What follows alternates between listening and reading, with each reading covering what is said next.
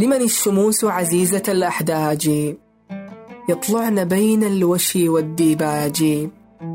من كل فائقة الجمال كدمية من لؤلؤ قد صورت في عاج. تمشي وترفل في الثياب كأنه غصن ترنح في نقا رجراج.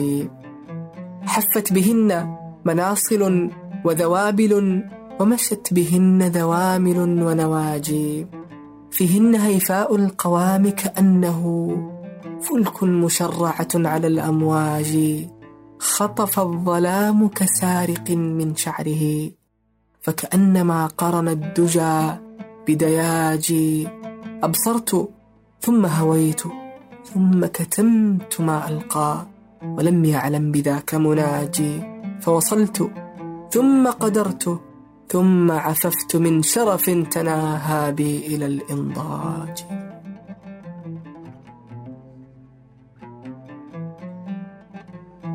هذا بودكاست فيء. فيء من شعر.